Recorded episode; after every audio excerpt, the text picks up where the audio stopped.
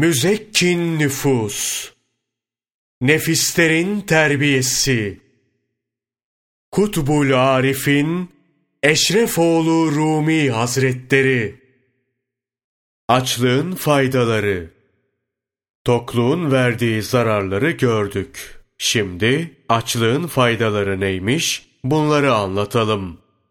Hak Teâlâ nefsi yarattığında, Ey nefs! Ben kimim, sen kimsin diye sorar. Nefs, sen sensin, ben benim diye cevap verir. Daha o zaman Cenabı Hakk'a karşı benlik davasını gütmeye kalkışır. Bu davayı bıraktığını mı sanıyorsun? Nefsin bu cevabı üzerine Hak Teâlâ gazaba gelir. Gazabından cehennem halk edilir. Emreder. Cehennem bin yıl yanar, kızıllaşır. Bin yıl daha yanar, aklaşır. Bin yıl daha yanar, kapkara olur. Korkunç bir kara ve korkunç bir yakıcılık. Dönüp ona bakmak mümkün değil. Kimse bir an olsun bakamaz. Hak Teâlâ, nefsi emmareyi getirin, cehenneme atın diye emir buyurur. Melekler, nefsi emmareyi getirir. Üç bin yıl yanmış cehenneme atarlar. Burada iki bin yıl cehennem azabı çektikten sonra çıkarılır. Hak Teâlâ, ey nefs, ben kimim, sen kimsin diye soruyu tekrarlar. Nefs aynı cevabı verir. Sen sensin, ben de benim. Bunun üzerine Hak Teâlâ, nefsi emmarenin gıdasını kesin buyurur. Gıdası kesilir. Üç gün aç kaldıktan sonra beni Rabbime götürün diye feryat eder. Cehennem ehli hayret içinde kalır. Şöyle derler. Bu ne garip bir şeydir. Nefs, üç bin yıl yanmış cehennemde, iki bin yıl azap görmesine rağmen bir kere olsun Rabbim demedi.'' Senlik benlik davasını bırakmadı. Ama gıdası kesilince üç gün buna dayanamayıp beni Rabbime götürün diye feryat etti. Bana Mevlam gerek, başka bir şey değil dedi. Cehennem melekleri ilahi derler. Sen gaybı bilirsin. Bu nefs cehennemde bunca yıl yanmasına rağmen baş eğmedi sen ben davasından vazgeçmedi. Şimdi üç günlük açlığa dayanamayıp aciz duruma düştü. Beni Rabbime götürün diye feryat ediyor. Emir senindir ey Rabbimiz. Cenabı Hak, kerem, lütuf ve kullarına olan ihsanından o nefsi getirin buyurdu. Anında getirildi. Hak Teâlâ azametiyle ya nefs, beni bildin mi? Ben kimim? Sen kimsin dedi.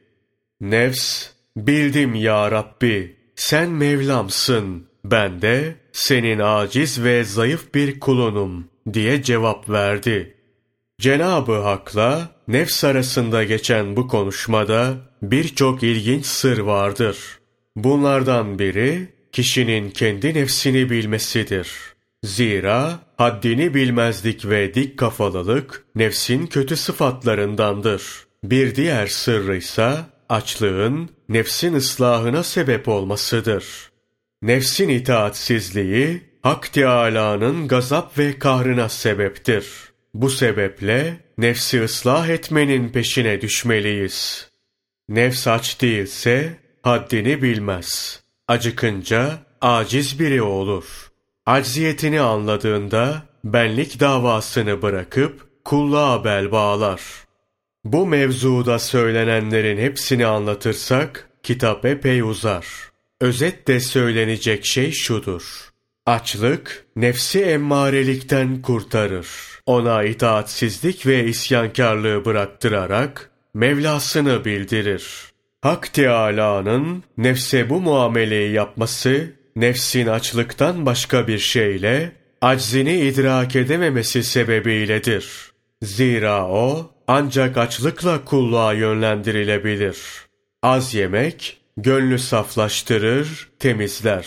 Gönül, açlıkla, nefsin kötülüklerinden ve cismani karanlıklarından temizlenir. Açlık, zihni kuvvetlendirir. Gönül gözünü açar. Az yiyenlerin yüzleri nurlu, gönülleri yumuşak olur. Gönlü yumuşak olanın da eli açık olur. Az yiyen, ibadet ve taatinden zevk alır. Zikir, tesbih, namaz, oruç ve hakka ait fiillerin tümünde huzur bulur. Dahası gönlü şenlenir, kötülüklerden sakınır ve nefsi kendine uydurur. Kendisi asla nefse uymaz. Açlık, nefsin Karun gibi görülmesini engeller. Gaflet dağılır. Kibir, kin, cimrilik, haset ve nifak gibi hayvani sıfatlar da kaybolur. Az yiyen, aczini bilip ölümü unutmaz. Allah'a isyan etmez. Cehennemde ebediyen kalacağını düşünerek günahlarından pişman olur. Aç olanlar Allah'ı bilir. Arifi billah olurlar. Açlığın ziyadeleşmesi marifet kapılarını açar. Az yiyenler nefsani günahlardan uzaklaşıp ruhaniyetle beslenirler. Gönülleri hakkın muhabbetiyle dolar. Dimaları bu muhabbetin nuruyla aydınlanır. Yukarıda çok yemenin doğurduğu gaflet ve karanlık buharının dimağa yerleşip aklın nurunu gidererek onu tembelleştirdiğini, aklın tasarrufunu nefse bıraktığını Böylelikle vücudun tümünün nefsin tasarrufuna geçtiğini söylemiştik. Bunun gibi az yemekte gönlü hak muhabbetiyle doldurur. Muhabbetin nuru dimağı nurlandırır. Akıl bu nurdan güç alır. Kuvvet bularak nefsin tasarrufundan kurtulur. Böylelikle vücudun tasarrufu akla geçer.'' Dimağdaki nur yol alıp bütün azalara yayılır. Aşırı yemenin buharının dimağı kaplayıp buradan diğer azalara geçtiğinden ve ibadetlere engel olup vücuttaki tasarrufu nefse bıraktığından da bahsetmiştik. Aynı şekilde muhabbetullah nuru da dimağı kaplar. Nefsin aksine bütün azaları ibadet ve taatle kuvvetlendirir. Bu sayede organların hepsi Hakk'a itaat eder.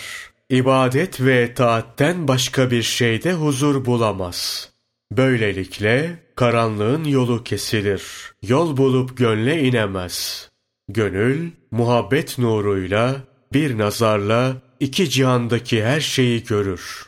Zira basiret gözü açılmıştır ve basirete hiçbir şey gizli kalmaz. Resulullah Efendimiz sallallahu aleyhi ve sellem amellerin efendisi açlıktır. Nefsin zilleti de yün elbiseler giymektir buyurur. Aziz kardeşlerim, saadetlerin hepsine açlıkla erilir. Dertlerin hepsi de aşırı yemektedir. Hak Teâlâ, İsa aleyhisselama, beni görmeyi diliyorsan aç olmalısın buyurur. Ebedi huzuru istiyorsanız açlığı ve az yemeği alışkanlık haline getirmelisiniz. Birkaç günden ibaret olan ömrü az yemek ve nefsle mücadeleyle geçirin. Böyle yaşayın ki ahirete vardığınızda cennet nimetleriyle doyabilirsiniz. Hak Teâlâ'nın cemaliyle şereflenip ebedi sultanlık bulasınız. Peygamber Efendimiz sallallahu aleyhi ve sellem bir hadis-i şeriflerinde cennet kapılarının size açılması için bu kapıları çalmaya devam edin. Tembellik etmeyin buyurur. Ashab-ı kiram, Ya Resulallah, cennetin kapıları nasıl vurulur? Bu kapılar görünür bir şey değil ki gidip bunları çalalım derler.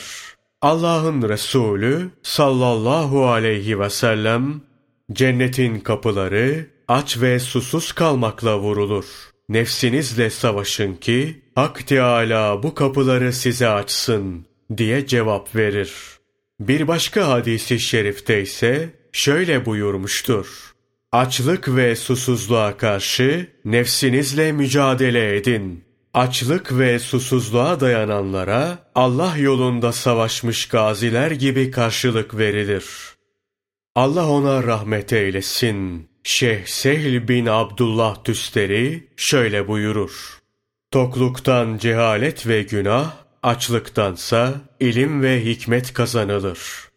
Allah ona rahmet eylesin. Şeyh Sehl bin Abdullah Tüsteri, 15 günde bir öğün yemek yermiş. Ramazan ayı geldiğinde ise bu öğün yemeği ayda bire indirirmiş. Ramazan boyunca sadece geceleri bir yudum su alırmış.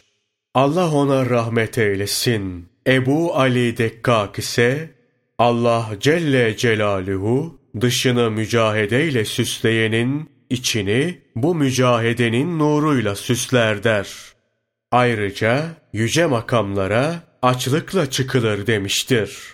Ey aziz kardeş! Mutlaka açlığı alışkanlığa dönüştür. Nefsine riyazet ve mücahedeyi öğret. Zira mücahede seni müşahedeye ulaştıracaktır. Unutma, açlık peygamberlerin, tokluksa kafir, münafık ve hayvanların vasfıdır. Allah ona rahmet etsin. Şeyh Safi şöyle der. Biri besmele ile yemeye başlasa, ibadet edecek kuvveti bulmak için yemeye niyetlense, sonunda da hamd etse, yediği nura dönüşür. Eğer yemeği nefse hoş gelen lezzet için yerse, o zulümata dönüşür. Az yemenin acayiplikleri çoktur. Sırası geldikçe inşallah anlatılacaktır.